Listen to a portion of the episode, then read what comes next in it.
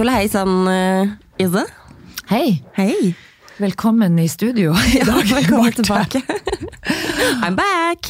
You're back. Ja. Og uh, heia alle lyttere. Uh, det er jo en stund siden sist, fordi at Mm. det ble rett og slett ikke podding forrige uke. Nei. Og det er fordi at eh, du lå nede for telling, Marte. 100 Kan jeg bare få lov å si en ting? Gidder du å fjerne snørrpapiret fra bordet, for jeg spyr? Det er ikke, det er ikke snørra på ennå. Oh, ja! Du Det ligger med skjerf, og du har hatt noe influensa. Ja. Derfor så ble det dessverre ikke Og ikke hatt stemme i Nei. det hele tatt. Og du hoster jo som ei Altså, vi kan ikke utsette noen for den hostinga di. faktisk ikke. Det var sånn at jeg tenkte det var for det beste til lytterne Ja. at jeg ikke dukka opp forrige uke. Men i dag er du på bedringens, Veg. Mm. Slags. selv om det er så vidt jeg ser deg i det svære skjerfet ditt. Du vet hva? Det her har blitt yndlingsskjerfet mitt. Det er et sånn kjempestort skjerf som jeg fant på Sara. Ser ut som en genser. Og, og den er, altså, er kjempesvært, men jeg bruker det altså som pledd, Mm. som eh, skjerf. And keeps me warm. Bra. Superhappy. Et tips til dere der ute. Gå på Sara og kjøp et gigantskjerf. Du, um, har det, det har jo skjedd mye siden sist. Ja, det har skjedd så For vi mye. har jo ikke Vi har jo gjort mye. Vi gjorde jo mye før du ble sjuk. Da var det jo en del ting. Det var jo Mm. halloween.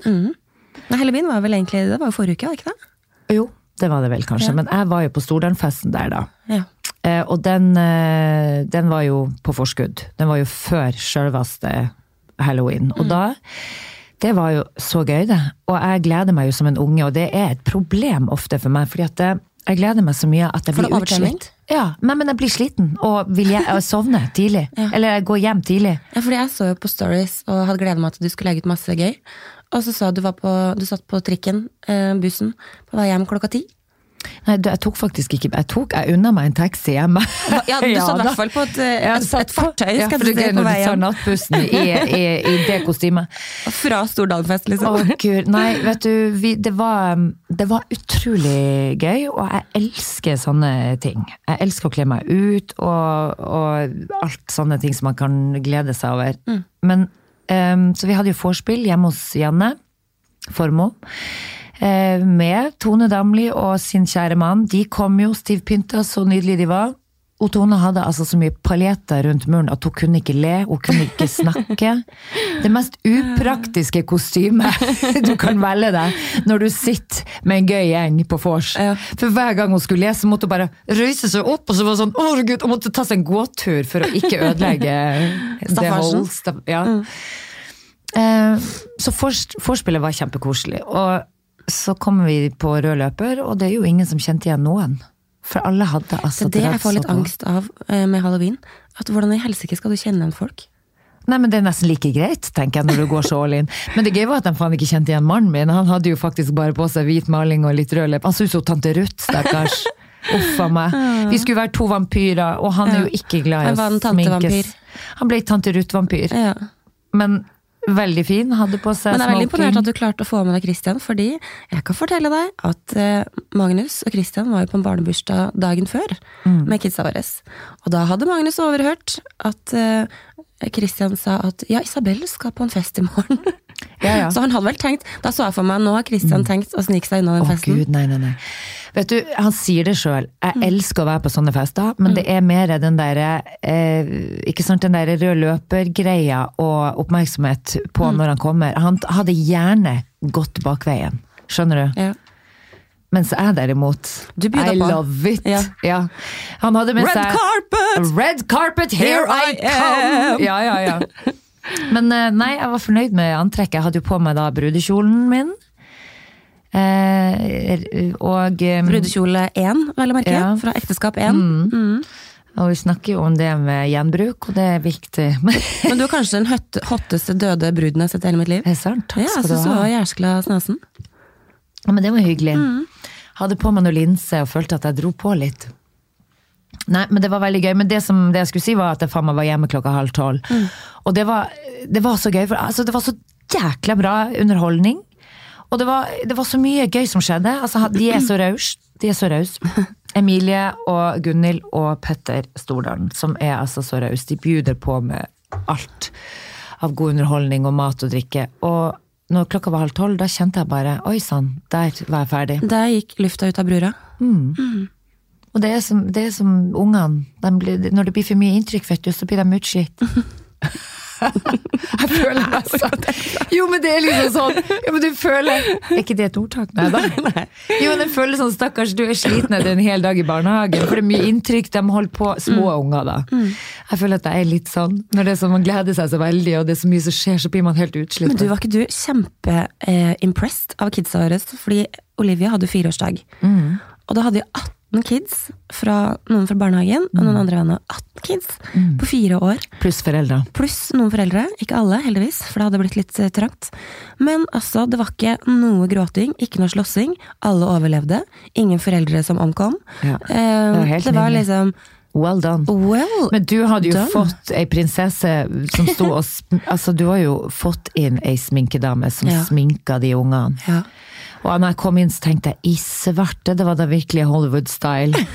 Så måtte jeg spørre han, han Magnus, er det en kjenning, er det venninna hennes? Nei, jeg, jeg tror ikke det. Jeg tror dette er noe Marte har ordna på. Nei, altså, jeg hadde egentlig tenkt, fordi Med Emily sin bursdag så pleier vi alltid å hoppe slott, for da kan vi være ute. ikke sant? Gud, så voldsomt. Men uh, Hoppeslott i alltid bursdagen, hoppeslott, ja ja. som du leier inn. Ja ja. Og et år hadde han klovn, da. Nei, men i alle dager, da. du kjører virkelig sånn uh, Ja, housewives-style. I love a good party, you know. Yes, I know. Eh, Jeg mangler bare ponnien, liksom. Og så eh, Men på bursdagen her så tenkte jeg ok, vi blir 18 stykker, så må vi keep it litt sånn cool. Så eneste vi hadde gjort, var å kjøpe inn pinjata, og tenkte vi skulle liksom ha litt sånn gøye leker og litt sånne ting. Men så hadde jeg lagt ut et eller annet bilde av um, det, uh, Olivia blir snart fire, et eller annet sånn, sånn random på en story. Så var det faktisk en dame som tok kontakt med meg, som heter Miss Disguise på Instastory. Veldig godt tips for alle som skal holde barnebursdag. Helt fantastisk. Altså, det er det beste jeg har sett. Altså, de kidsa var Hun var så stødig barna. Og hun var så flink. Altså, de var så nydelige. Det var så vakkert. Alt hun gjorde, Ja, ble et maleri. Din Gustav ble en liten Spiderman, Ja. og min var en liten Elsa. Ja. Og det var My Little Ponies, Ja. og det var liksom det ene og det andre.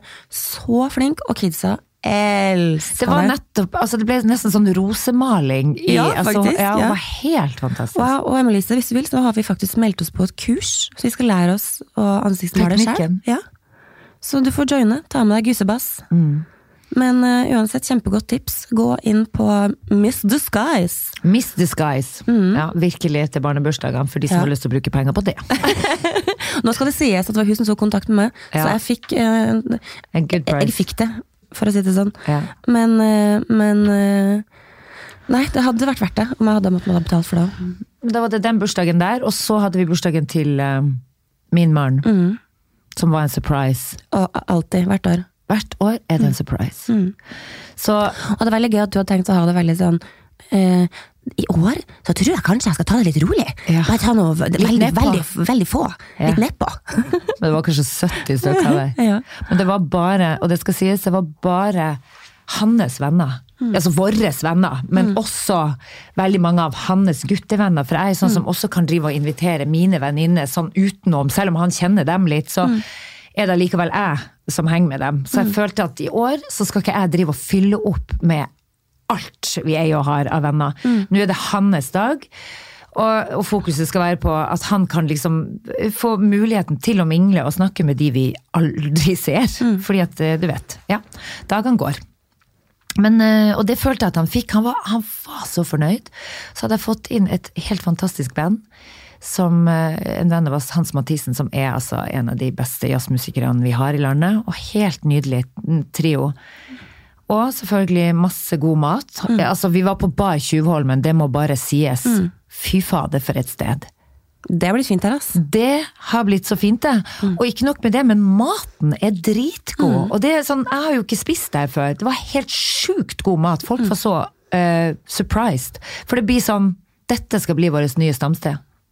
Sånn blir det. fordi også det det ligger liksom langs rekka ned på ved Tjuvholmen. Du ser havet. Du har liksom Det er bare sånn deilig atmosfære der nede. Altså, jeg- jeg liker meg så godt på Tjuvholmen. Jeg tror søren meg det blir bursdag der òg. Ja. På min bursdag. Ja. Skal ringe, høre om det er plass Fast til meg. avtale. Ja. Eh, Så, men han ble nå overraska, selv om han må ha ant fred og ingen fare, holdt jeg på å si. Han må Han skjønt. sa jo, han var jo helt overbevist Han om at det kom han må- noen. Ja. Ja. Ant hadde ugler i mosen. Nei, hva sier man? Mose jugla. Mose er ugla. Nei, han sa at han trodde nok at det ble litt flere enn oss på For jeg sa at vi skulle spise, og tok med, oss, tok med meg Fredrik på ti, og han. Så, han skjønte nok at det ble litt flere enn oss, men, Men det er jo veldig stas å se på Christian, fordi han er jo litt som en sånn Når Christian koser seg, så veit du at Christian koser seg. Og når du da smelter i gang det der jazzbandet, og du bare ser han bare går inn i sin egen drømmeverden, og bare sånn, han enser ingen, han bare står der og koser seg. Han gjør Liksom. ikke mye ut av seg. Han er ikke sånn som når du koser deg, som jeg koser meg. Ja. Da ser du jo armer og bein, og Ja, ja. kjeften går ja. Mens han blir helt sånn stille. Han blir helt sånn meditativ. Og, ja. Helt sånn rolig. Og jeg bare sånn, jeg sa til Dos, eller så Freddy Dos Santos, nå koser han seg. Ja, om han gjør. ja. Og det er så godt. Ja, men apropos Freddy Dos Santos, fordi eh, det som er litt gøy, er jo at med jazz så føler jeg at veldig mange er sånn, enten så liker man jazz, eller så har man litt problematisk forhold til jazz.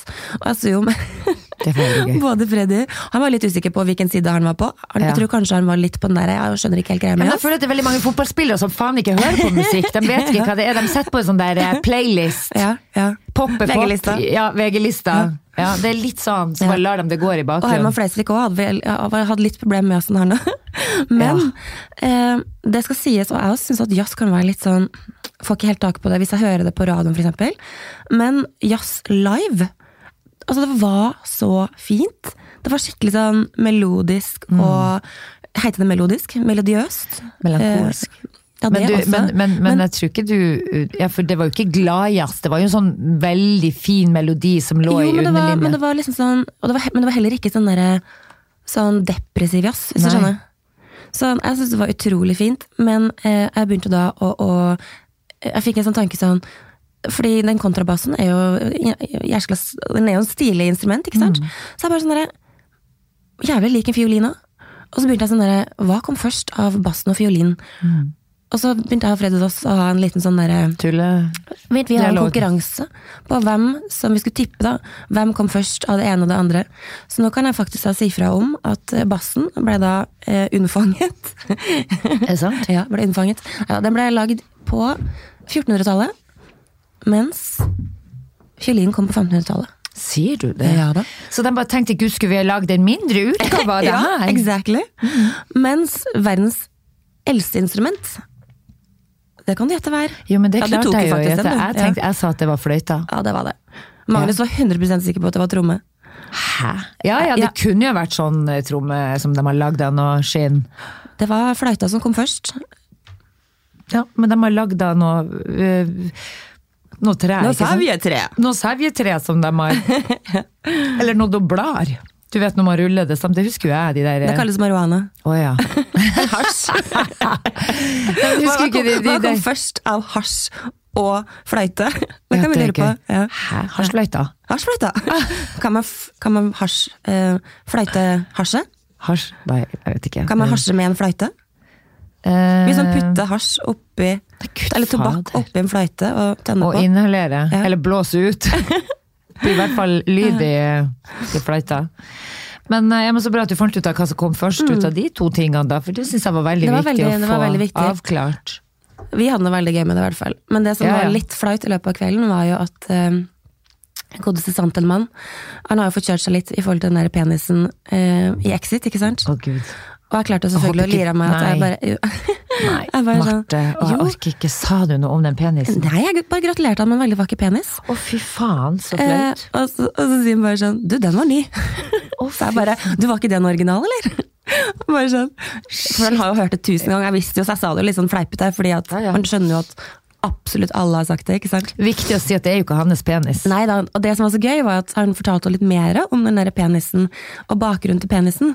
Og det er faktisk en fyr som heter Steinar, eh, som er da eh, Som eier den penisen. som eier det er Steinar sin penis. Den Steinar. eh, Steinar, Steinar Ja. sin penis.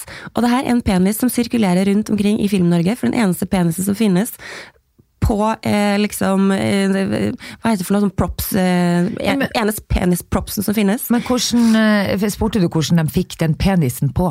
Ja, du må jo først få en banner, og så må du liksom Ja, ta men i ja, men altså, ja, men det er sant! Og så har han måttet gå med en banner en hel dag, ikke sant? Og så må Ja, han i da helvete, så Og så putte den der penisen oppå penisen.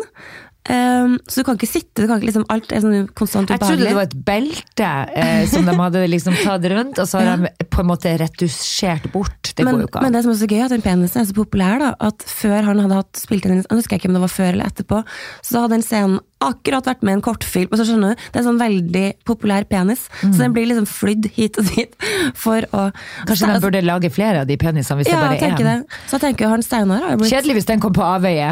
Men, men hva, hva sier Steinar når han spør, blir spurt om ja, hva, yrke, hva jobber du med da?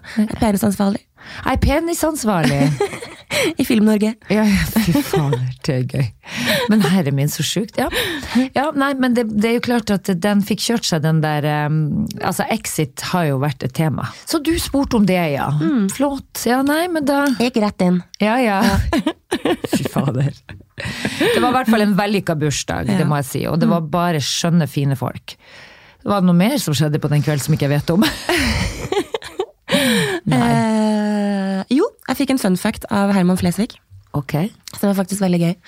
Eh, og det er jo litt sånn I helgetider så eh, liker han litt ekstra komfort etter dusjen. Så han ruller da hånddukene sine, putter det inn i eh, ovnen for å få deilig freshe spahåndklær. Han tar de og legger dem i ovnen. Ja, syns det var litt finurlig.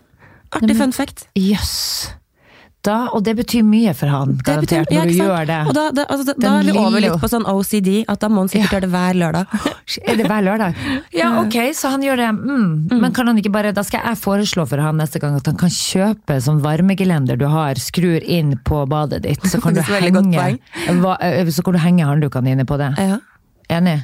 Slipper han å legge det i ovn. Stekeovn. Plutselig masse tar det Plutselig får det, tar det jo fyr, ikke sant? ja, ja, brenner huset. Ja. Kjedelig.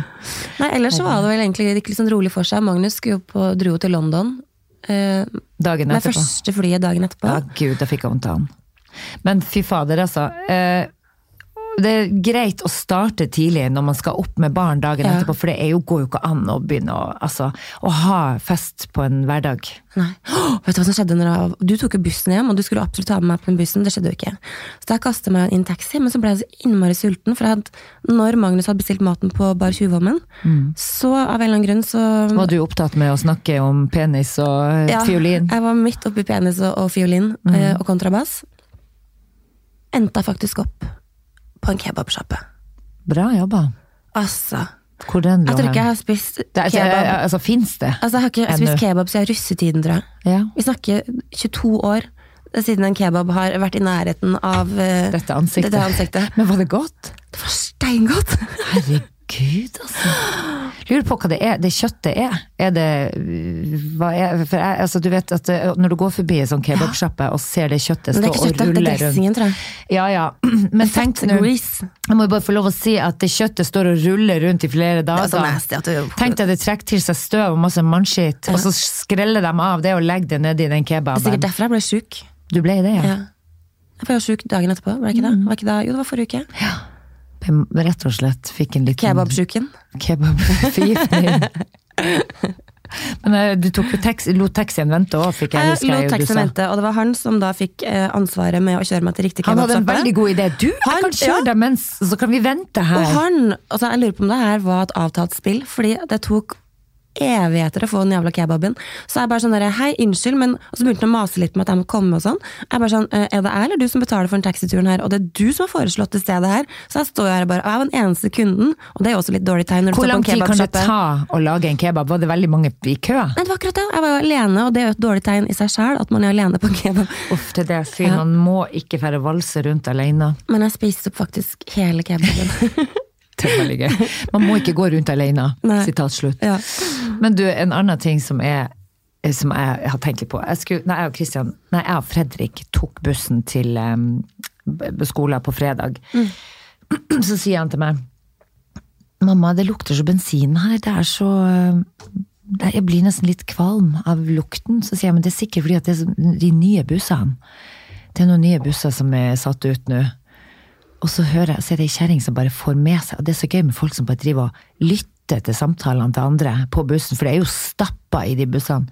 Så da eh, overhørte vår samtale, så bare sånn snakke og sånn høyt Ja, dette er, dette er elbuss, så det kan ikke være bensin, nei. Å ja, sier du det? Er det elbuss, ja? Ja, det er sikkert vindusspylervæske nå som det har blitt kaldt. Oh, ja ja, Se, Fredrik, hørte du det? Det er sikkert vindusspylervæske. Sånn.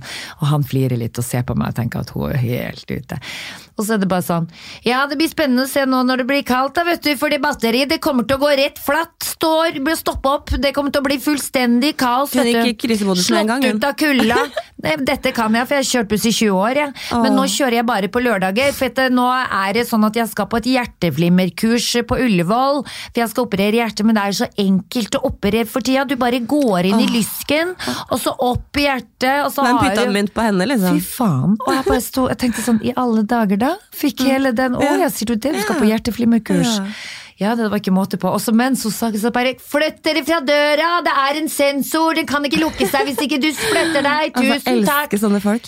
Ja, men, og det, er- ja, du, og det, da tenkte jeg det. Du Eller jeg hater det egentlig, men jeg ja. elsker det egentlig. Jo, men så tenker jeg sånn. Det er sånn Robert Stoltenberg-humor. Ja, men da tenker vi sånn, ok, utadvendt, inn, in, innadvendt, holdt jeg på å si. typ, ja. Jo, og det har jeg tenkt på. Hva forskjellen? Hun her kjerringa var jo ikke en introvert eh, dame, det kan man jo si. Hun var jo veldig utadvendt bussjåfør. veldig utadvendt.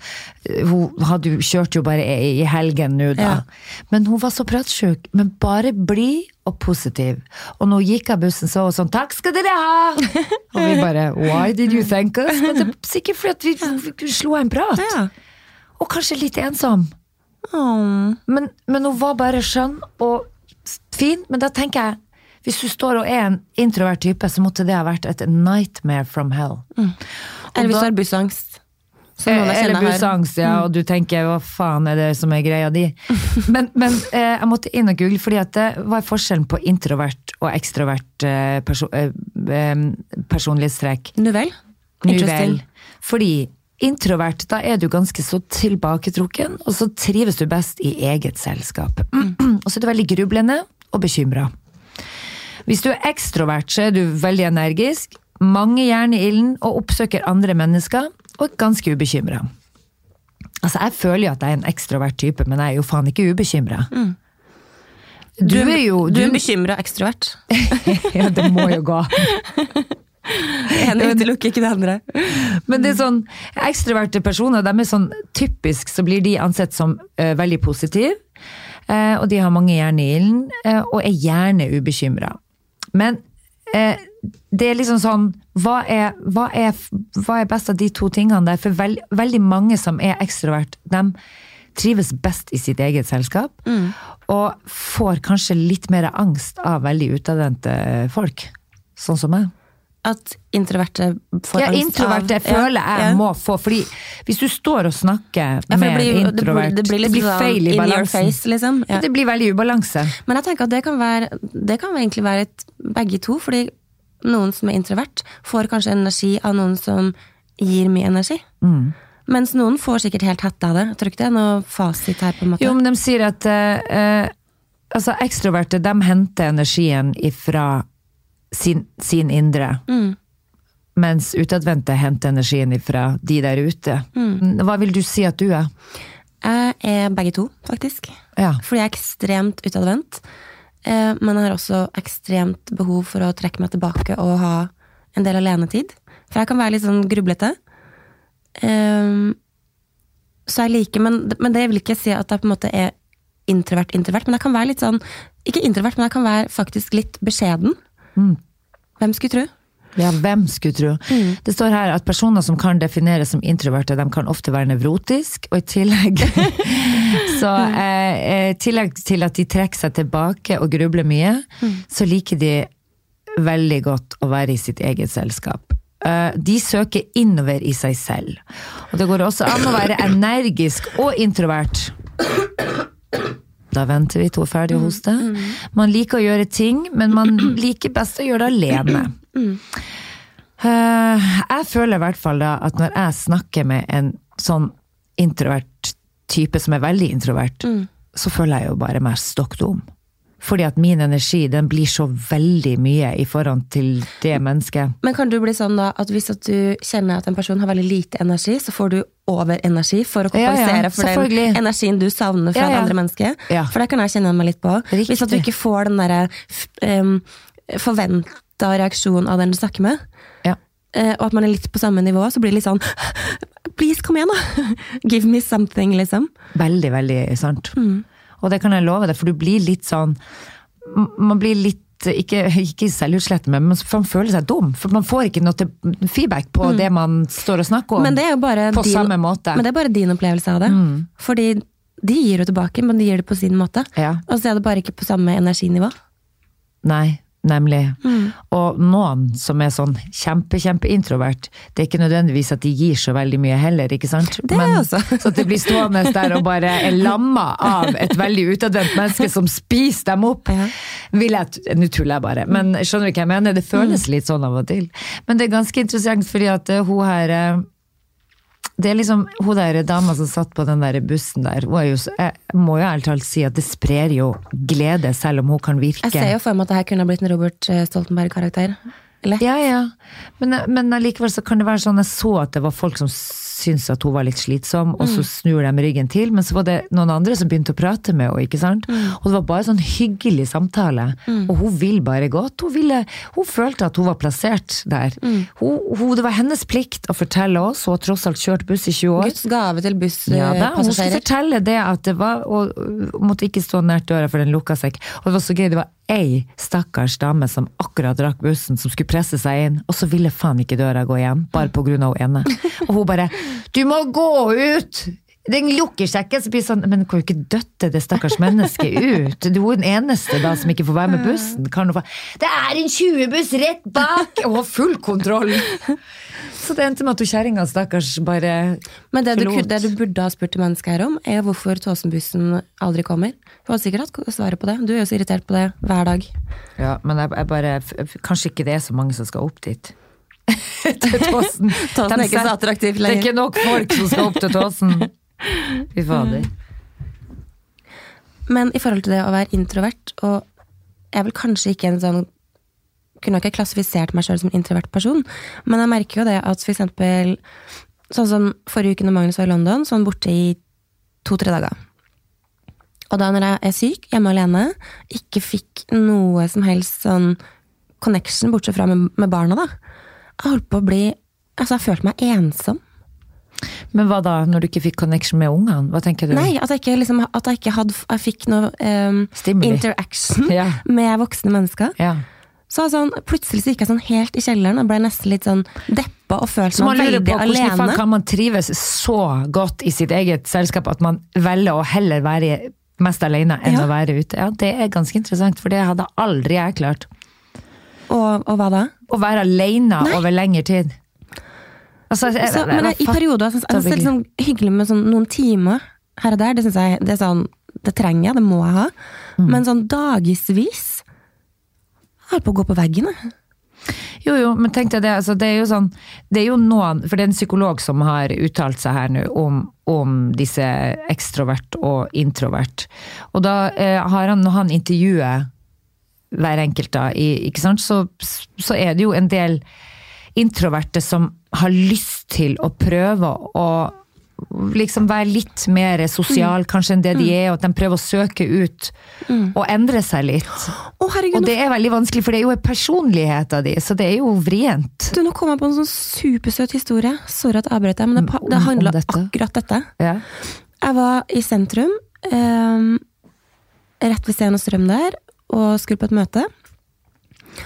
Så står jeg utafor og leiter Jeg står og fikler med den Voien, ikke sant? For jeg skulle eh, dra tilbake igjen. Og så plutselig ser jeg noen som kakker meg på skulderen. Og jeg bare sånn snur meg, så så står det en sånn skjønn gutt med masse krøller, kanskje sånn 17-18 år. Og så sier han Hei, um, jeg lurer på veien til eh, Slottet. Så jeg bare sånn Ja, nei, da går det bare opp til venstre og Ja, egentlig bare rett fram. Så gå så langt du kan, så ser du Slottet. Så han bare Tusen takk. Um, grunnen til at jeg spør, skjønner du, er at jeg lurer egentlig ikke veien til Slottet. Men jeg, har, jeg sliter med angst og stamming.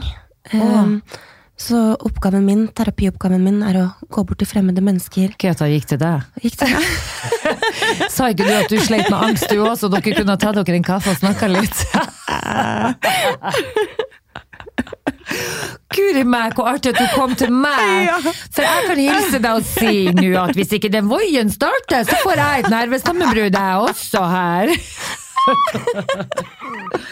Åh, Det er faktisk veldig sant. Da er jeg spent på hva Men- du sa Nei, til og da sa jeg bare Å, guri meg, så, så fint at du Oi, nå ble jeg så engasjert. Jeg velter kaffen nå. Eh, jeg begynte nesten å gråte.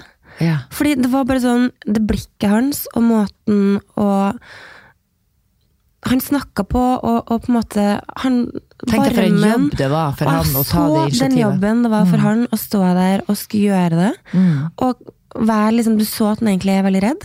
Ja. Men samtidig så, så jeg liksom etter han hadde gjort det, så var det en sånn lettelse. Og akkurat som han gikk fra å ha den derre Mm, han mestra en oppgave. knytta angst, eh, kroppsspråk, til jeg bare får nesten liksom stjerna i øynene og bare sånn huh, Åh, Jeg klarte det. ja. Jeg hadde lyst til å bare gi henne en klem, og bare Jeg gjorde faktisk det. Det må være så jævlig å ha angst. Ja, for det her er jo på et helt annet nivå. Og det er jo litt sånn Vi kan jo ofte tulle litt med angst, fordi at vi har Og det er ikke alt jeg vil si at vi har angst. du har vel, jeg har jo ikke angst. Jeg Nei. kan jo si at jeg ikke har angst. Jeg, jo, det er vel en form for angst når jeg sitter oppi det flyet der. Ja. Men, men du har jo angst, men det er jo en kontrollert Nei, det er det faen ikke, Marte. Det kan vi ikke si. Du, når du er på en stappa, et tog, Ja, nei, og da, får da, da er det jo en og sitter og har pustebesvær, da er det jo en reell angst. Men de som har angst hele tiden som gjør Ja. at du blir lamma i hverdagen, Ja. det er jo ikke sammenlignbart Nei, med det overhodet ikke. Så det er bare sånn Forskjellige typer angst, rett og Jeg får slett. lyst til å sende en varm klem til alle som sitter og kjenner på det. Mm. Og ja, herregud, jeg håper folk får, eh, får hjelp. Får- Men tenk deg det når du er liksom, i puberteten, og du skal liksom the best years of your life, du skal liksom ut og utforske Mm. Verden. Og så er det bare Du blir lamma av angsten. Skjønne gutten. Ja, vi håper um, det gikk bra, eller det går bedre med han. Mm. Han har i hvert fall gjort en great effort. Ja, fy fader. Mestra. Mm. Mestra det. Mm. Det fins faktisk en del forskjellige typer angst. Og angst er jo jækla ubehagelig, men ikke farlig. Selv om man tror man skal dø. Mm. For det er jo noe med det. Ja, hvis man får et panic attack, typ. Men fellestrekk er jo da følelsen av frykt eh, eller veldig sterkt ubehag. Og angst kan være et tegn på at man har levd med for mye stress, f.eks. Og belastninger over lang tid. Og du kan bli kvitt angsten, eller lære deg å håndtere den bedre.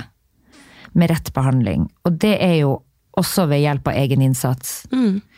Men eh, ja, det er noe med å lære, og det er jo uten å sammenligne, men det er jo noe med den der frykten, for eksempel da når jeg er oppe i, flyet. Den er jo så smertefull at mm. jeg vil jo bare Altså, det å vite at jeg ikke kan gå av det flyet, det er jo helt panikk eh, når det først oppstår. Og da er det eh, den derre øh, å flytte fokus. Altså, jeg må bare finne en teknikk på å få fjerna det, eller roa meg sjøl, for det er altså så vondt. Ikke sant? Det er jo derfor man ikke, det er derfor jeg ikke utsetter meg for det. Men tror du ikke at det er når du da er For det første så må du være klar over at det er faktisk et problem. Ja, ja. Og så må du finne da en gjenkjennelsesfaktor på hvordan du reagerer. Når Mm. du kjenner litt på den derre Shit, nå, nå ble jeg stressa, nå kava jeg meg opp litt. Mm. Og så, hvis man da har fått noe verktøy som gjør at ok, nå skjer det her fysisk Mm. og psykisk med meg. Og hvordan bruke, altså, å lære de verktøyene da, som gjør Finne at ut hva er det som ja, hjelper hva er for det som deg. funker for deg, ja. for å komme tilbake igjen, liksom. Ja, for det er jo liksom en men, men, men dette er jo da en reell situasjon. Jeg vet jo at akkurat oppi flyet så kan det oppstå, ikke sant? Eh, Men, men det er jo sånn, angst er en, en av de vanligste psykiske helseplagene i Norge. Og om lag 30 eh, får angstlidende i løpet av livet. Og det er jo i forskjellige setting, da. Noe som trigger, ikke sant? Eh, Og det kan være vanskelig å kjenne forskjell på bekymring og angst. Det har jeg noen gang lurt på. Altså skjønner du, Hva faen er den indre uroen? Er det for at jeg bekymrer meg for noen ting, eller er det angst? Hva, hvordan, hvordan merker man, hvor finner man ut av forskjellen, liksom? Jeg tror du har mye bekymringer som blir angst. Ja, Bekymringer som jeg lager meg Ja. sjøl. ja. Jeg tror du, du får litt angst av alle bekymringene du skaper i hodet ditt. Ja, ja. Eh, Men jeg er jo sånn som ser farer før de er der. Mm. Eh, Og, og mest sannsynligvis at de ikke de ikke å komme. Det, litt sånn at det, det føles litt ut som at du har en liten sånn ulv, ulv inni deg. Mm. Ikke at du sjøl gjør det, men at du er litt redd for å miste kontrollen, Mm. eller Jo, men det er sånn ungene, sånn som vi har snakka om det Mm. her med når ungene blir syke, eller å herregud, nå begynner han å hoste. Mm. Da er det he-he-he. Altså, det blir så veldig stort med en Mm. gang. Jeg kjenner det knyter seg i magen med en gang. Men klarer du å tenke på at skulle han nå bli syk? Er det en liten eh, omgangssyke på gang? Ja, det er So ikke what, Altså, liksom? ungdom, øh, ung, ungdomssjuka. Er. Ungdomssjuka. Ungdomssjuka. Ungdomssjuka er jo ikke noe problem. Jeg er mer sånn der eh, eh, Nå har Fredrik betennelse i fingeren sin, som er så voldsomt, og det blir ikke bedre, og sånne ting. Så tenker jeg å herregud. Altså, da kjenner jeg at det gir meg en indre uro. Bare av at han ikke har blitt bra. Skjønner du? At det blir sånn fader, da, og, og det gjør vondt. Og vi smør på, og vi holder på. Men hva What good does it do for you å bekymre deg? Nei, det er jo Det gjør jo ikke noe godt, men det er jo en redsel for at det skal bli verre, eller at man skal miste, eller at man skal Det er jo en redsel som er i de fleste, men noen det har det litt mer 100%. latent liggende enn andre. Noen klarer å flytte seg vekk ifra det og tenke at det vil gå bra. Det går bra. Men det er jo det man jobber med når man eh, Man må jo finne sin Det har ikke vært så ille. Jeg føler faen meg at på høsten så er det mye verre. Når det gjelder alt. Kom, altså den årstida her, når kulda kommer og kroppen begynner å fungere eh, annerledes. Eh, tankene fungerer Ja, men tankene òg endres. Når det Man blir, litt mørkere. og... Ja, man blir mørkere på høsten. Det er noe med værsjuka og, og resten Ja, man skal ikke som påvirker. det. Og så kan man si ja da, men vi kan fyre i peisen, og vi kan eh, tenne faktisk. på noe stearinlys. Altså, jeg må si at å stå ute nå i bitende kulde, Mm. det ingenting som gleder meg med det. Men så når jeg sto der og irriterte meg så jævlig og ventet på grønt lys, og bare holdt det faken meg på å fryse meg i hjel, du kjenner at du står og spenner deg, Mm. og plutselig så er det sånn au, nå har jeg vondt i ryggen, hva kan det være? Jo, det er jo fordi jeg frosset i hele dag, så du har bare Frosse på deg Ja, ja. en kink i nakken? men så så jeg da noen sånne skjønne, skjønne militærgutter som kom et helt 17. mai-tog drassende på noe gevær og noen tunge ryggsekker i noen sånne tynne allværsjakke som de har. Mm. Der skal de opp og rulle i skogen i noe gjørme og ligge bak noe stein. Det er alltid noen som og- har det verre enn deg Så jeg tenkte ok da, dere har det verre enn meg, jeg skal ikke klage. Jeg skal ikke klage. Nei, men jeg tror Nei. det er veldig lett å på en måte um, Å bruke mye tid på bekymring og irritasjon og litt sånne ting. Og jeg kan være sånn sjøl, men jeg prøver liksom å jobbe med å komme meg ut av det. Hvis jeg kjenner at jeg er liksom irritert eller frustrert eller uh, hissig på et eller annet, Mm. så bare sånn, prøver jeg bare sånn Hvorfor er jeg hissig? Mm. Hva er det som skjer nå? Og hva gjør det? det? Og hva godt gjør det for meg? Mm. Og hva løser det at jeg blir irritert? Løser situasjonen seg at jeg blir irritert? Nei, det gjør jo egentlig ikke det. Og jeg klarer ikke alltid å liksom komme meg ut av det. Men jeg prøver liksom å reflektere litt mer over Mm. hvordan jeg sjøl lar meg bli påvirka av ting. da. Men det er derfor man snakker om det her, hvor utrolig bra det er å gå og snakke med noen som kan hjelpe deg å sortere Exactly. ut de her. Fordi ok, det er tabu å gå til psykolog. Not anymore. Det var det kanskje i It's fabulous, darling. Oh, I'm going to my, psycho my psychiatrist! Nei, men det er jo bare Vet du hva? Nå har du liksom, nå skal jeg bare fortelle deg, det er en del forskjellige typer angst. Det er interessant, fordi man kan sikkert kjenne seg igjen i noe av de her. Sosial angst, det har aldri jeg hatt. Eh, Blotta for, faktisk. Jeg er blotta for sosial angst. Eh, og det betyr at man føler altså, Når du har sosial angst, så betyr det at man føler ubehag eller angst i møte med andre mennesker. Og det kan også være at man har angst bare i møte med bestemte grupper mennesker. Eller bestemte situasjoner. Det kan jeg faktisk kjenne på. Du har det mot bussjåfører? Nei, nei, nei.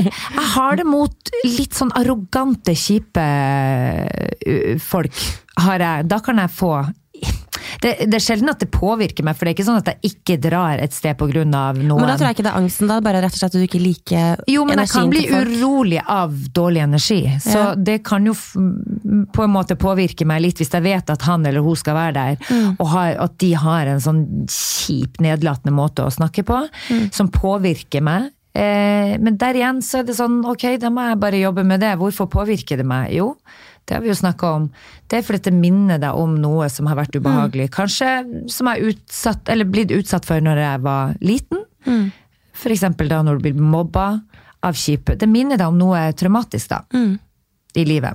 Men da må du da, som, du, som jeg har lært av min psykolog, ta med deg den lille jenta og bare si hun skal få lov å være med. Og bare liksom på en måte ta rundt og si det går helt fint. Det går bra, du er fin nok som du er. Ikke la noen av de andre her skremme deg. Vi står sammen. Det, er jo, det høres helt kokeliko ut, men hvis man klarer å tenke ja, sense. It makes sense. Ok, så et lite råd til de som har sosial angst, er vel å ikke gå ut. Nei, da må du Hold deg hjemme! Oh, Nei, nei men sosial angst, eh, det er vel bare i hvert fall da hvis man kan Hvis man kan eh, søke et menneske man er trygg på i den settingen, da. Mm. Og holde seg til det mennesket der, da. Så trenger man jo ikke å mingle så jækla mye med alle andre. Men bare hold deg til den ene eller den lille gruppa du er trygg på. Så går det jo som regel bra, vil jeg tro.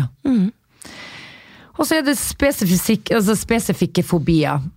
Har du for eksempel, er du redd for edderkopper og fly?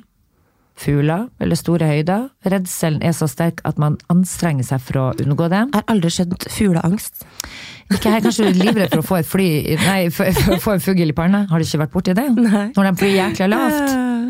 Nei, jeg da, jeg, var jo også da fly involvert i spesifikk det er en fobi. Og det er sånn, jeg unngår jo å reise. Så jeg føler meg jo, jeg er jo så stolt av de, den hektiske perioden jeg har vært gjennom nå. Med mye flying frem og tilbake, og da må jeg si den mestringsfølelsen gir meg altså enda mer lyst til å hoppe på et til. Ja, men det er så bra. Så man anstrenger seg for å unngå, og det er fordi at det skaper redsel, og man blir eh, hemma i sitt daglige liv da, av sånne ting. Da. Men det er jo egentlig bare når jeg skal ut og fly, da. Så ungene mine de får faen ikke noe Gran Canaria.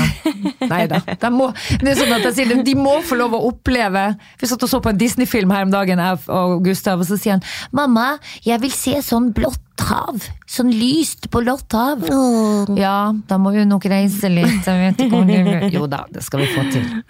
Og så har du ango. Det er um, store, Agorafobi. store folkemengder. Er det? Agorafobi betyr at man er redd for å forlate hjemmet og bevege seg ut. Det det? Ja. Ja, da, da, Og bevege seg ut på områder som man oppfatter som usikre. Særlig åpne plasser Ja, åpne og steder med med, store- mange mennesker. ja, da- da var du inne på.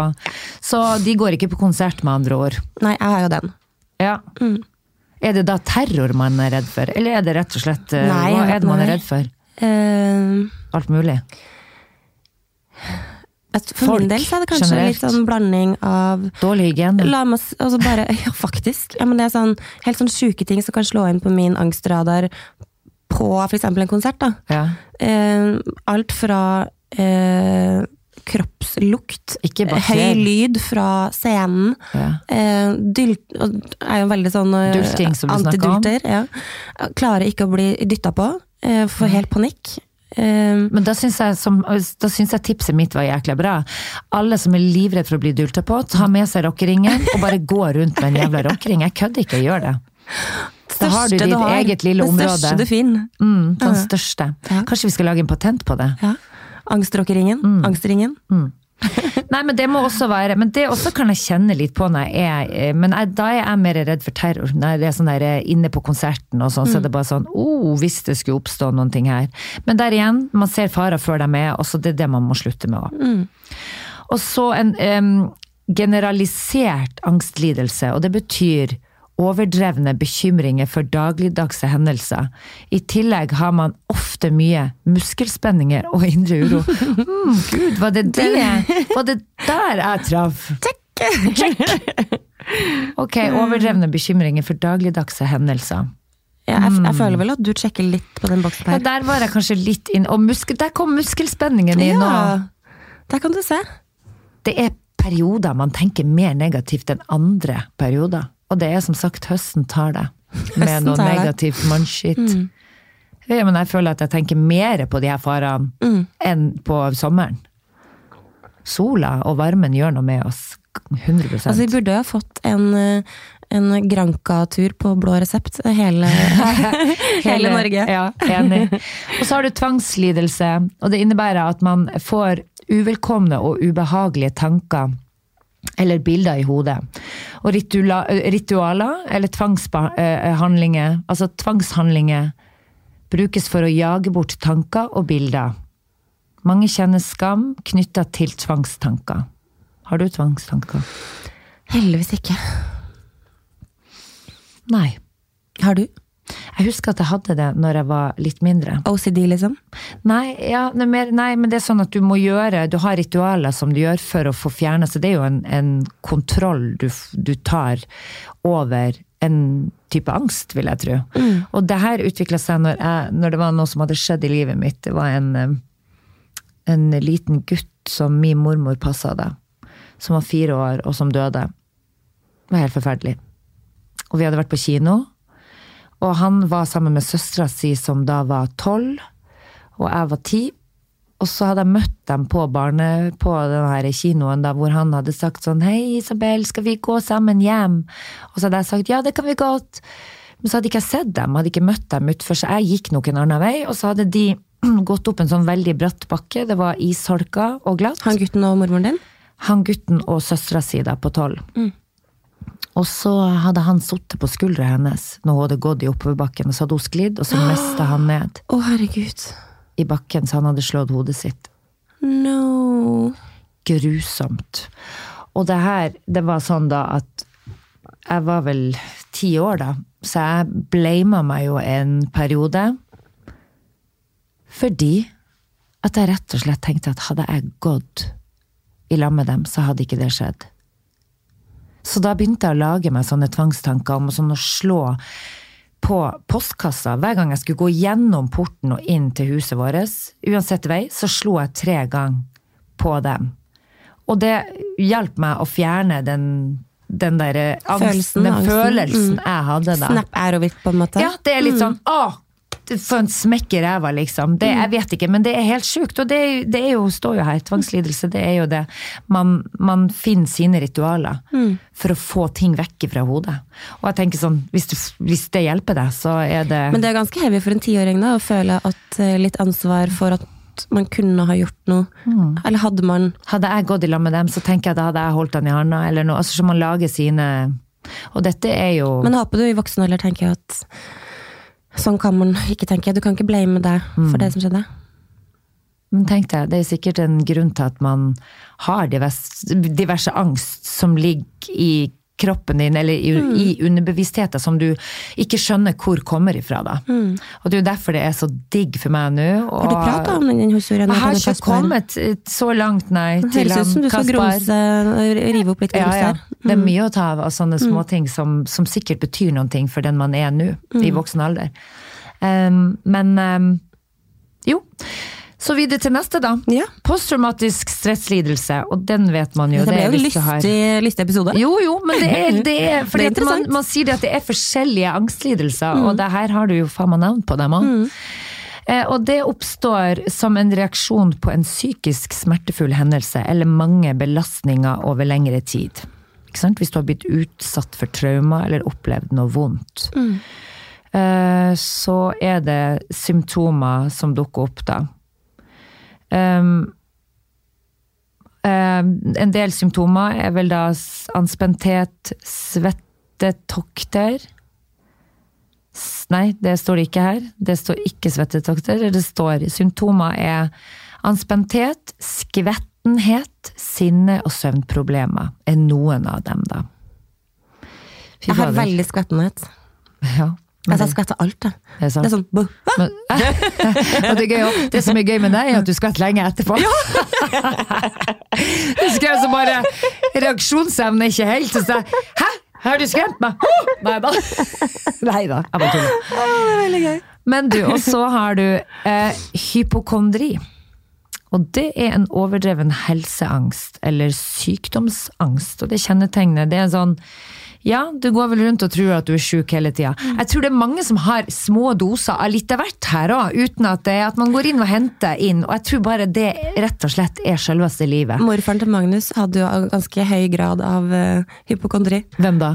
Alf Hedden. Oh, ja. Han døde i fjor. 94 år. Morfaren. Ja, og han var jo egentlig altså 94 år og uh, Oi, han levde lenge. Hvor lenge Ja, gikk han og hadde ja, den angsten? Uff a Hele livet. Fader! Aldri vært sjuk en dag. Tenk deg og det. tenkt hver dag at han var sjuk. Bortkasta! Så mye bortkasta tid. Når du ble så gammel, Ja. og så gikk du Tenk deg den tida du kunne kosa deg på. Ja. Fy fader, Og det var altså. så mange ting han ikke gjorde av redsel for å bli sjuk. Skjønner du? Og han var ikke sjuk en dag, faen, skal, skal sies det. Men den redselen Den har sikkert hemma ja. han. Mm. Oh my gosh. Ok, behandling for de her. Um, uh, en behandlingsmetode for angstlidelser. Det er jo viktig å komme avrunde med, da. Det er viktig at du finner en type behandling som passer for deg, og at du sjøl aktivt deltar i prosessen. Du må jobbe med å møte situasjonen som får deg til å skape angst. Og det er klart, da må du grave litt i dybden. Noen, noen klarer det her på egen hånd, mens andre trenger hjelp for, fra en terapeut. Og da er det sånn, da går du til fastlegen din, og så snakker du med, med fastlegen, og så vil eh, du få en henvisning, ikke sant? Så tale med Og så må man ikke gi opp, fordi om du kanskje møter Ja. en terapeut eller psykolog første gangen som du kanskje ikke helt får kjemien med, da må man prøve på nytt. Og her er den derre Behandling for angst kan være egentreningsprogram, hvor du utsetter deg sjøl for det som gir deg angst. Og det gjorde jo han gutten. som du- Eksponeringsterapi. Ja, Mm. det gjorde jo han som du traff. Mm. Og um, det med å fly og utsette seg for det som gir deg angst. Mm. Så får du den mestringsfølelsen, og det vil jo gjøre noe med deg. Da kan du være Du, du minsker den Mm. ved å utsette deg. Ja, det, det, det er absolutt noe i det. Altså. Jeg kom på bare en annen ting. eh, En ting sånn litt på sidelinja, men um, en av mine angster er jo, i sånn, i forhold til sånn sosiale ting, er jo En venninne av meg, Anette Elvehaug, hadde 40-årsdag for noen uker siden. Og det som jeg syns er litt vanskelig, er for at jeg har alltid vært veldig god på å huske ansikt og navn. Men etter jeg hadde borreliose, så ble jo hjernen min litt sånn fried, ikke sant? Eh, og etter det så har jeg blitt ekstremt dårlig på ansikt og navn. Trøst deg med at det er jeg, og jeg har ikke hatt borreliose. ja. men, men det er, sånn, det er helt sånn komaflaut. Fordi altså, til og med Magnus han er sånn som Du så henne i går. Nei, det hadde ikke jeg hvis du Jo, nei, men altså, for eksempel, eh, forrige jobben til Magnus, da, så eh, eh, kunne jeg hilse på liksom, folk 43 ganger. Og Hei, Marte. Og Magnus bare sånn Nå har du hilst på han i seks år. Å, Gud, kan du, kan du, Ja, det, her, det her begynner å bli et liksom, flaut, Marte. Men du er enig at det er noen som har ansikt som er vanskeligere å huske enn andre? Nei, men som er litt sånn Ja, lik mange andre. Ja, men det her skjedde da på 40-årsdagen til Anette, så kom jeg dit, eller så var vi der. Og så veit jeg jo at jeg har møtt mange av venninnene til Anette mange ganger før. Men hun har ganske mange venninner, ikke sant? Og så veit jeg at jeg kommer i den, på en eller annen tidspunkt på kvelden så kommer det her til å skje at jeg ikke husker noen. Ja. Og det var flere jeg veit enten at jeg liksom har sett før, men jeg husker ikke linken, eller Og så kommer det bort da 'Takk for sist', og jeg bare Kjempehyggelig! Et tips da. Kjempehyggelig! Klem, klem, klem. Jeg har dritt meg ut på det der så mange ganger. Klem det Gå, nei, bare, ja, men det er sånn, Når du kjenner noen, så vil jeg jo gå bort og si hei og gi klem. Og så står det 20 andre der òg. Så jeg går runden rundt, og de blir sånn å, hei, hei. Ja, jeg er en klemmer, sier jeg bare. For da eh, bryter du den barrieren. Da er det liksom sånn, da, da driter du deg ikke ut. Da tenker de heller sånn å gud, men så, så, vold, så, eller så hyggelig. Eller så kan de bli sånn «Øh, nei, da. Too much! Don't give me a hug. Men hun ble nesten litt sånn eh, Altså Det mennesket her som presenterte er det sånn som jeg gikk og sa sånn hei! Og så sa jeg litt sånn sur? Nei, ja. Og så sier jeg bare sånn hei, jeg vet ikke om vi har hilst før. Og hun bare Du Marte, det har du sagt til meg nå Nei, gud, ikke si det. Så eh, flaut. To ganger i året, eller en gang i året. Nei, flere ganger, for hun er også på barnebursdagene. Flere ganger i året, sier du det. Å, herregud, så flaut. Eh, så eh, ja, vi har hilst mange ganger før. Ja, men jeg Og så ble skjønner jeg litt sånn, og jeg bare sånn, vet du hva, og så fikk jeg så dårlig samvittighet, fordi at når man er den personen som ikke blir gjenkjent, det må jo være så grusomt, Ja. ikke sant? Og jeg bare sånn, vet du hva, beklager, det er virkelig ikke noe med deg, det er bare my fucking brain, Ja. som er Alzheimers Jo, modus, Ikke, liksom. ja, men det hjelper ikke å si det. Det hjelper jo ikke å si Men det, jo, fordi det at de blir jo skuffa. Ja, men det hjalp faktisk litt, for jeg forklarte liksom at eh, det er en case for meg òg. Jeg får jo angst av å havne i sånne situasjoner. Så hun syns faktisk altså, Så tulla vi litt med det til slutt, da, så det gikk jo veldig bra til slutt. Mm. Men, eh, men å, jeg hater når det skjer, liksom. Jo, men jeg vet det, men det er, jeg er kjempedårlig på navn. Og det er sånn at Kristian han sier sånn Det er han, ja, og du, jeg vet, nå vet jeg at du blir å spørre om hvem det er, men det er han du sto og snakka med nå i går som om den der du, du, Så han må alltid begynne å I timevis. Men allikevel går rett ut igjen. Det er noen ting som bare ikke fester seg. Eh, jeg har en venninne av meg som husker altså ansikt og navn, og hun husker altså, Og det er utrolig sjarmerende egenskap hvis du er så Jeg heldig ser for meg at det må være Line. Nei, nei, nei. Det er Stine, venninna mi, hun danske venninnen min. Hun som er jordmor. Men hun er, sånn, hun er så oppriktig opptatt av eh, alle menneskene hun treffer på. Og det føler jeg ligger under tittelen jordmor, gjør du ikke det? Mm. For du føler at alle jordmødre er bare sånn De bare tar imot deg med åpne armer og livet life, generelt. Hi, liksom. ja, Ja. ja. Men hun er sånn Hun er sånn Ja, jeg traff eh, venninna di på flyplassen, og hun sa det og det, og gud, hvordan går det med den filmen hun holder på med, eller hvordan går det med Hun spør alltid så veldig, så tenker jeg sånn, hvordan Ja, for hun hadde jo knekt foten sist, så sier jeg, men herregud, hvordan fikk du med deg det? Det er jo tre år siden du traff henne. Da husker hun husker så langt tilbake, og hun Jeg bare tenker at hun er heldig som har den egenskapen, men det er bare Vi er lagd forskjellig. Hva, du husker vel eh, stoffer veldig sånn i klær og Nei, og det er faktisk Det er sånn, gud, det her heter det, og man har sine Ja, man kvaliteter. tro- altså, men det, det er nesten litt sånn rart, fordi før så var jeg sånn um, På videregående sånn, så kunne jeg Altså, jeg var ikke noe glad i skolen til slutt, for jeg begynte å bli litt sånn skolelei. Men jeg hadde egentlig evnen til å liksom bare lese ting, og så kunne jeg memorere det. Sånn Et fotografisk minne. Ja, ja, kapittel. Altså, jeg lærte jo ikke, fordi jeg bare memorerte. Ja, ja. Og så bare skrev jeg det. Så jeg kunne godt få bra karakterer og sånn. Men du på- husker det ikke? Men jeg husker det ikke etterpå. Mm. Og jeg merker at etter den der Bolose-greia, så har jeg ekstremt dårlig minne på ting, og det irriterer meg så sinnssykt. Ja. For jeg elsker egentlig å lære. Men da må du begynne å øh, gjøre, lage din egen eh, Det gjør jeg. Når jeg føler at jeg surrer, så noterer jeg hele tida, og så skriver jeg veldig tydelig, og det er jo faen meg sånn man gjør når man har begynt å bli dement, eller nei, får Alzheimer, holdt jeg på å si. Men eh, det er lurt å ha ei notatbok, eh, og det, det er så gøy. Linn Skåber har ennå filofax. Jeg har bare sagt det, min kjære venner, kan du ikke bare notere på mobil? mobil? Nei, hun vil ha den.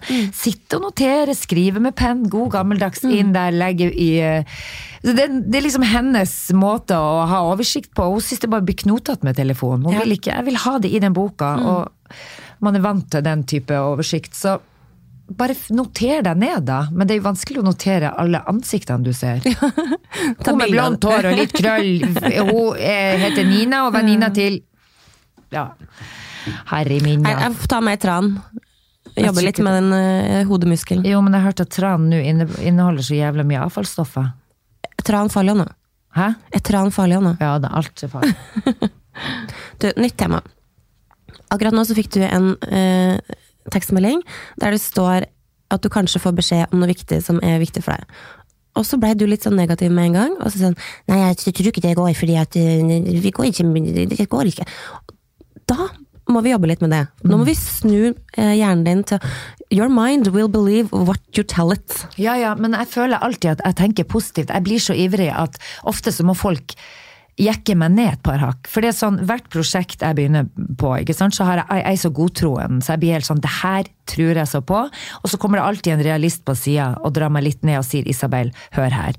Og det er smarte folk som kan bransjen og vet at, hør her, det er ikke en dans på rose alltid, og det er, skal mye til for at det, det går rette veien ofte. Man må i hvert fall jobbe hardt for det, og ikke gi seg. Så man må jo bare ikke gi seg, man må alltid tenke at uh, det blir motstand, men ikke gi det.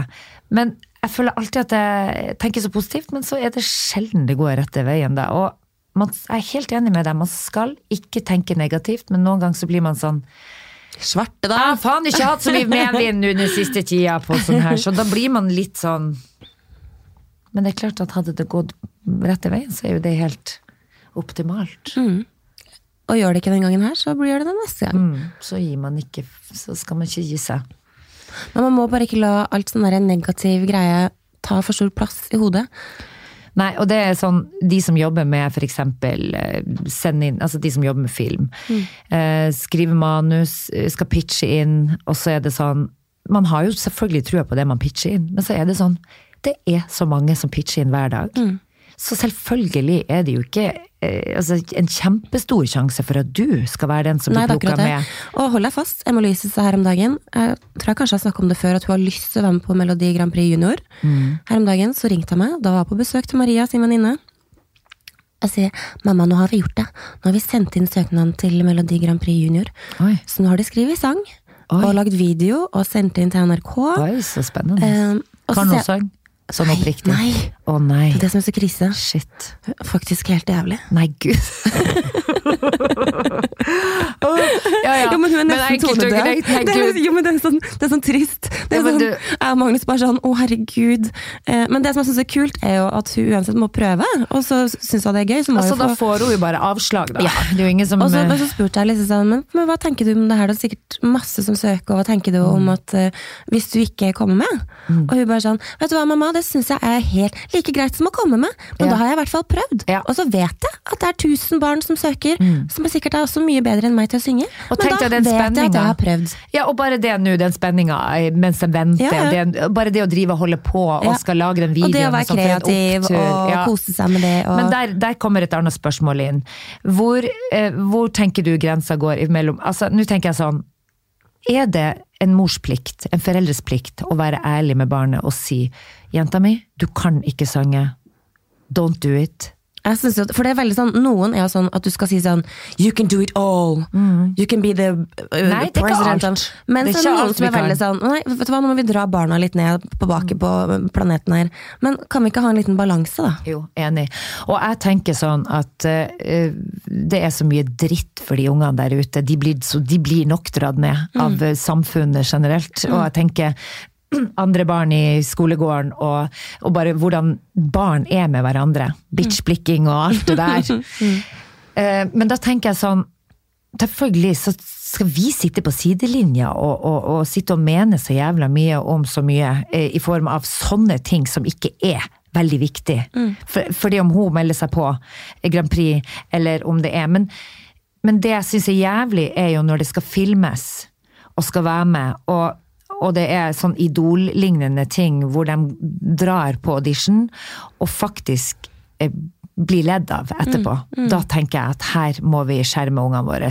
Fordi hvis det skal bli en case, og så skal de bli ødelagt av at dette blir eh, lagt ut på nett og overalt, og at folk skal le av det, det må jo være, det er jo krise. Men det føler jeg var mye mer som før, at eh, produksjonsselskapene filma litt sånne eh, cases. Mm. Mens nå føler jeg de legger ut mye mer sånn nice stories. Jo, jo, men. Norge er jo snillere eh, Ja. enn de andre landene, vil jeg tro. Ja. Jeg tenker jo at eh, men, men eh, Idol altså jeg, jeg tror nok ikke Grand Prix ville jo aldri ha gjort det. For det er jo noe helt harmløst. Det Mm. er jo ikke sånn. Men, eh, men Idol, får jo, da får du kjørt det. Tror du han Per Sundnes kjenner noen som jeg kan bestikke for å få, Få noen sangtimer. få henne inn på Grand Prix? Er det sånn det fungerer? seg? Nei, jeg tror ja, det var noen Per som fikk meg inn på Grand Prix. Ja, det er sant, ja. Men ikke det at jeg hadde spurt, det var han som spurte meg. Men, eh, men jeg sier jo en ting.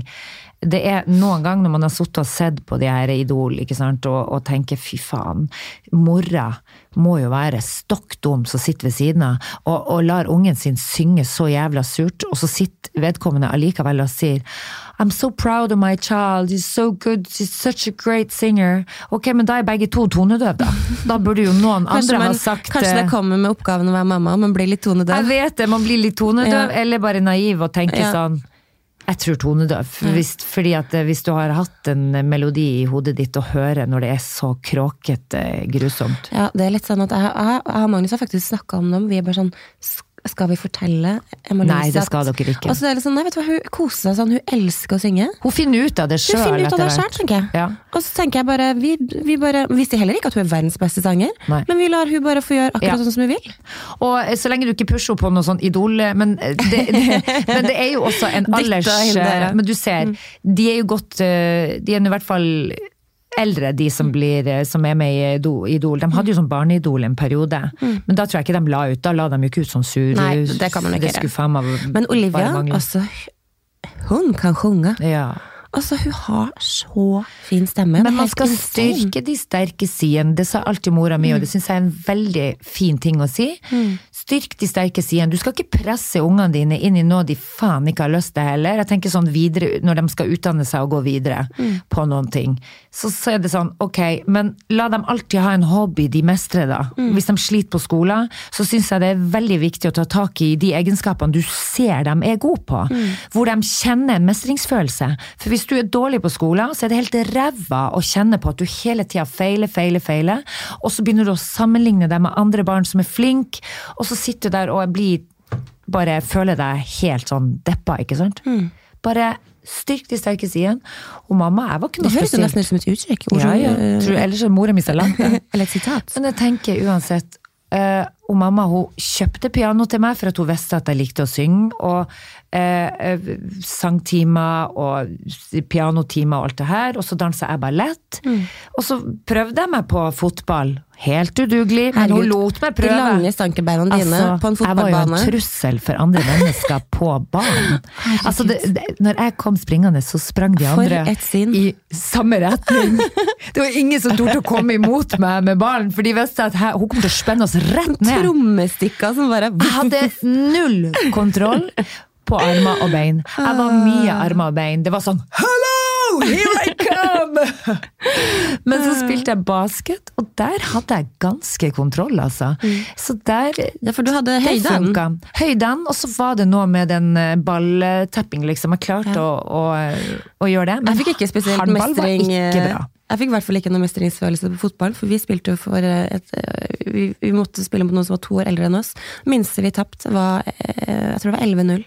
Å, fy faen. det Det er, så veldig, det er så mye òg. Man Vi blir så veldig skåra sånn ikke ett mål i løpet av sesongen. Å ja, vi tapte 11-0, ja! Det gir jo kjempegod selvtillit. Men faktisk så hadde vi veldig gøy med vi hadde jo liksom innsikt på at vi, de var to år eldre enn oss. Ja. Så vi tok det jo egentlig litt sånn at vi syntes det var kult å spille med de store girlsa. Ja. Men det gjorde jo ingenting for utviklinga, for å si det sånn. Men jeg må jo ærlig talt si at jeg syns jo det var så gøy å dra på sånn. Jeg meldte meg jo på både det Altså fy fader, det må ha kosta mora mi i skjorta. Jeg var med på alt. Jeg var jo med på Jeg jo, gikk jo slalåm, eh, slalåmkurs. Piano, sang, ballett. Og så håndball og fotball og alt det her på samme tid en periode. Og det er jo og mamma var vel sånn, skal du ikke prøve å satse på noe?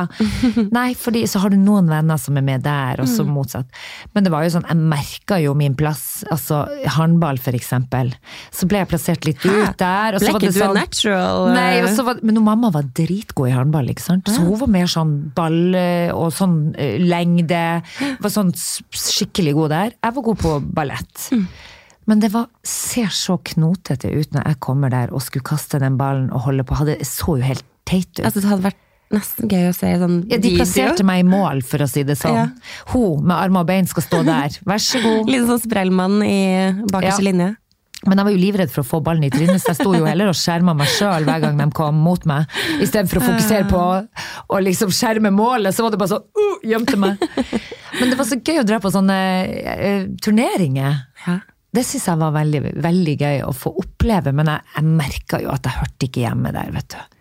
Og det tror jeg man skjønner etter hvert. Mm. men jeg syns det er viktig at ungene får lov å prøve seg frem. Og kjenne litt på hva er det du mestrer, hva liker du? Og også det med at eh, å skal være med på sånn teamsport. Eh, Det syns jeg er kult. At, alle, at det med å være på lag og skal samarbeide. For det var når Fredrik begynte på fotball, så var det så gøy. I begynnelsen så var det bare sånn, de krangla om ballen. Så bare sånn Hallo! Dere spiller på samme lag! You're a team, guys! You're a team! Og så, når de knakk den koden, så er de så fine med hverandre. Og de kommer hjem og sier sånn Ja, vi har tapt eh, null, altså 11-0. Men da kan han Fredrik han har funnet seg Men det var veldig røft spill på de, andre. De spilte veldig De har liksom funnet Veldig skittent. sånn- skittent. Veldig skittent, sier de, ja. Veldig skittent spill. Ok, ja, men det er greit. Men det kan òg være at dere kanskje hadde en dårlig dag. Kommer jeg til sidelinja. Viktig å se det i perspektiv. Nei, så ikke si til Emma Louise at hun synger dårlig, for det finner hun ut etter hvert. men, eh, men jeg tror nok det at uh, foreløpig er det taekwondoen som leder hjemme også, så det er syns jeg egentlig er veldig kult. Ja, hun, ja, eller sånn, hun elsker det i hvert fall, og Ja. uh, jeg syns det er fett at jenta gjør typiske guttesport Ja. eh, greier. Altså i anførselstegn, for det, hvem som helst kan jo selvfølgelig trene taekwondo, men det er jo obviously mest gutter som har gjort det. Mm. Men jeg ser på taekwondo der, der hun går nå, det er masse jenter. Det er så kult. Men Kick jeg some ass! Yeah, you girl, go girl, you! Du skal sitte der som mora og gangstermora. You her. go and kick some ass, you girl! My little girl! Nei, men Like jeg- 100%. Ja, jeg var bare Jeg var skikkelig Jeg merker, Og det er, det er sikkert grunnen til at jeg aldri har trivdes på helsestudio. Det er veldig gøy at du kaller det helsestudio. Ja, men det er gøy at jeg holder igjen på helsestudioet. Hva du sier da? Eh, the gym. Nei. I'm going to gym. I'm going to the gym. Nei, jeg må bare si at jeg føler meg bare litt sånn keitete i kropps... Uh, altså, jeg er litt sånn grasiøs i kroppsspråket noen gang, da. Ikke sant? Så når jeg står og skal trene, så føler jeg sånn aerobic-hopping. Fy fader, da ser jeg ut som en robot. Jeg klarer liksom ikke helt å gjøre ting. Altså, jeg føler bare at jeg ser helt teit ut i speilet, liksom. Hvordan hadde du vært på Skal vi danse? Ja, da hadde du faen meg dødd av latter, i hvert fall. Det hadde vært gøy å se. Det hadde vært gøy. Jeg tror jeg hadde drept meg og vedkommende som skulle Altså, jeg har jo så lyst altså, Hadde jeg eh, fått ærbudnavn om å være med på Skal Det hadde vært altså, Det er mitt favorittprogram ever. Ja. Elsker Skal vi danse. Jo, eh, men da hadde det vært sånn at folk hadde ledd av meg. Og det hadde ikke jeg, det, sånne ting liker jeg jo ikke å bli mobba. Nei, jeg orker ikke å bli mobba for nei. min knotete. Jeg kan ha masse selvinnsikt og selvironi på Mm. eh, det, og jeg kan fortelle sjøl at det hadde sett helt corny ut. Men at andre skal sitte og se på meg på TV, drite meg ut, nei fy fader, da takker jeg heller nei. Ja. Har du fått tilbud en gang? Har Christian fått tilbudet? Kristian får tilbud, vet du. Han får jo hele tida tilbud. Men eh, jeg tror den første som fikk tilbudet, var jo min svigerfar Jon Skolmen, da. Eh, I familien. Og det var når det starta. Og han hadde virkelig tatt, eh, tatt alle med storm. Han er, var så god, han. Han hadde skikkelig Og det Chris- Christian har også en fantastisk rytme, og han er en fantastisk fører. Så han er Han hadde klart det. I livet, eller på dansegulvet? Eller begge? Og begge. Nei, han er helt fantastisk eh, danser, så han hadde nok klart det. Men eh, Jon Skolmen takka nei, rett og slett. Og det tror jeg vel Ja, jeg, lurer på om han angrer litt på det. Jeg tror han hadde hatt glede av det. Å, det ser så gøy ut. Herregud. Men du, eh, eh, sånn avslutningsvis, fordi vi må jo komme oss videre i livet i dag, så er det litt sånn spesiell dag i dag, kjenner jeg. Å, Åh, ja. er det noe jeg ikke vet om? Nei, men det, eh, mamma har da eh, innlagt på sykehuset, og eh, hun har en sånn tre feil med hjertet. Så det skal liksom Hun er innlagt i dag, og de skal finne ut liksom bla, la, la, la, la. Men jeg kjenner at det er litt sånn eh, eh, Har hun hjertefeil? Altså, det, har hun Ja. hjertefeil? Tre stykker. Så de aner ikke hvordan de skal angripe det. Hva skal de løse først, videre. Hun sa jo at det var bare å gå gjennom lysken, og der på bussen. Hun, hun skal gå Med hjerteflimmerkurs. hjerteflimmer, ja. Nei, så jeg merker at jeg er litt sånn Uff a meg, det Jeg er litt skjønner prega av at plutselig så Uff. er mammaen min blitt i den alderen at ting er litt mer sårbart. Mm. Og jeg ser bare for meg hun ligger oppe på Ullevål i dag, kanskje er litt redd og Ja. skal ha masse slanger inn og ut og, og liksom Og så grusomt. Å se foreldrene sine sårbare. Åh, det er så grusomt. Men er pappaen din der også og støtter opp? Ja, han ringte meg i dag tidlig. Du, nå har jeg vært med mamma på sykehuset, og jeg skal bare si ifra at nå har jeg snakka med alle legene, og alle skal, har kikka på mamma, og nå, nå sier de at de skal, hun skal bli igjen til i morgen. Men nå har jeg en sånn god følelse. Mamma er her, hun er trygg, Ja. og jeg skal være her hele dagen. Og så, og så spurte jeg om jeg skulle komme opp, og, og hun bare sånn Nei, nå tror jeg mamma skal bare ha det litt rolig, og så ringer jeg deg hvis du skal komme oppover. Ja. Og om du skal ta med deg jentene og komme. Ja. Så pappa har kontroll, altså. ja. Men, Men det er eh, uansett en sårbar situasjon for alle dere. Ja. Og at hun er, ja, men det er nå, Marte, vi er i den alderen nå. Åh, ikke, og Ja, det er nok de, det de har, høsten De eh, har liksom pusha 70, ikke sant? Ja, og høsten. Det er høsten og- Mm. tar oss mm. eh, Den påminner oss Sikkert for at det er så jævla kaldt. Man blir så inntørka og skrunkete i trynet at hver gang du ser deg sjøl i speilet, så ser du 90 år sjøl ut, og så blir du påminnet om at eh, foreldrene er enda eldre, og at livet er Det Mm. går sin gang Ja. på et eller annet tidspunkt. Men eh, ja, nei.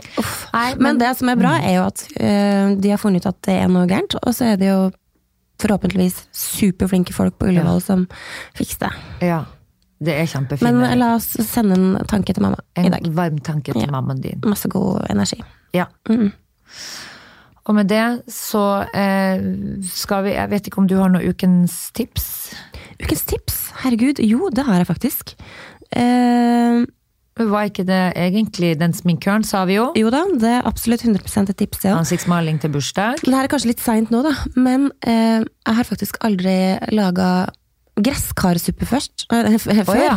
Men jeg Magnus snakka faktisk litt om det her. I, I dagens forbrukersamfunn der alle er så opptatt av kast og bruk og, Ja. og miljø og sånne ting. Hva skjer på halloween med plastikken, plastikkforbruket av drit og, Og lort? godteri og alt. og godteri, og ikke minst gresskarene. Altså Mm. tusenvis av gresskar, som er 100 bra mat, Mm. som kastes eh, over en lav sko, Ja. brukes Altså, Ja. jeg syns det er helt sjukt. Så Men lagde du suppa? Ja, vi tok ut eh, frøene Mm. og bakte inn i ovnen. Det er faktisk veldig godt. Bare husk på å skylle de og tørke de. Ha på litt salt og pepper, kjøre de i ovnen. Ehm, kjempegodt å ha på cereals eller frokostblandinger og sånne ting. Ja. Kjempesunt. Og så tok vi ut innmaten og laga en liten høstsuppe. Deilig. Det er i hvert fall en kos nå, å lage suppe. Åh, elsker det. Og noe stearinlys og noe god Netflix-film. ja. Ja. Det er vel det vi må gjøre nå når høsten er her, for Ja. det er jo fader meg mye Det er så kaldt og skit der ute nå, og alt ser bare Håret blir tørt og jævlig, huden er tørr og skitete. Og, og du går rundt og fryser Og er får vondt i? Og det er kjettent! hår- Nei da. Og, og, og kroppen får masse Er aua. det, er det sånn at du glemmer å dusje på høsten? Nei, det gjør jeg ikke. Jeg står jo faen meg bare i dusjen. Det er sikkert derfor jeg er så inntørr. Men uh, folkens der ute, ta vare nå i uh, høst, og egentlig snart vinterkulda. Ja. Det er jo vinter nå. Vi går jo i, den, Vi går i, i det leiet. I det leiet, og bare hør på deilig musikk som kan gjøre deg glad hvis du kjenner deg nedstemt. Og, Eller hør på en episode av Marte og Isabel. Ja, for eksempel. Ta vare, We love vi you guys! snakkes til neste uke. Ha det! Ha det!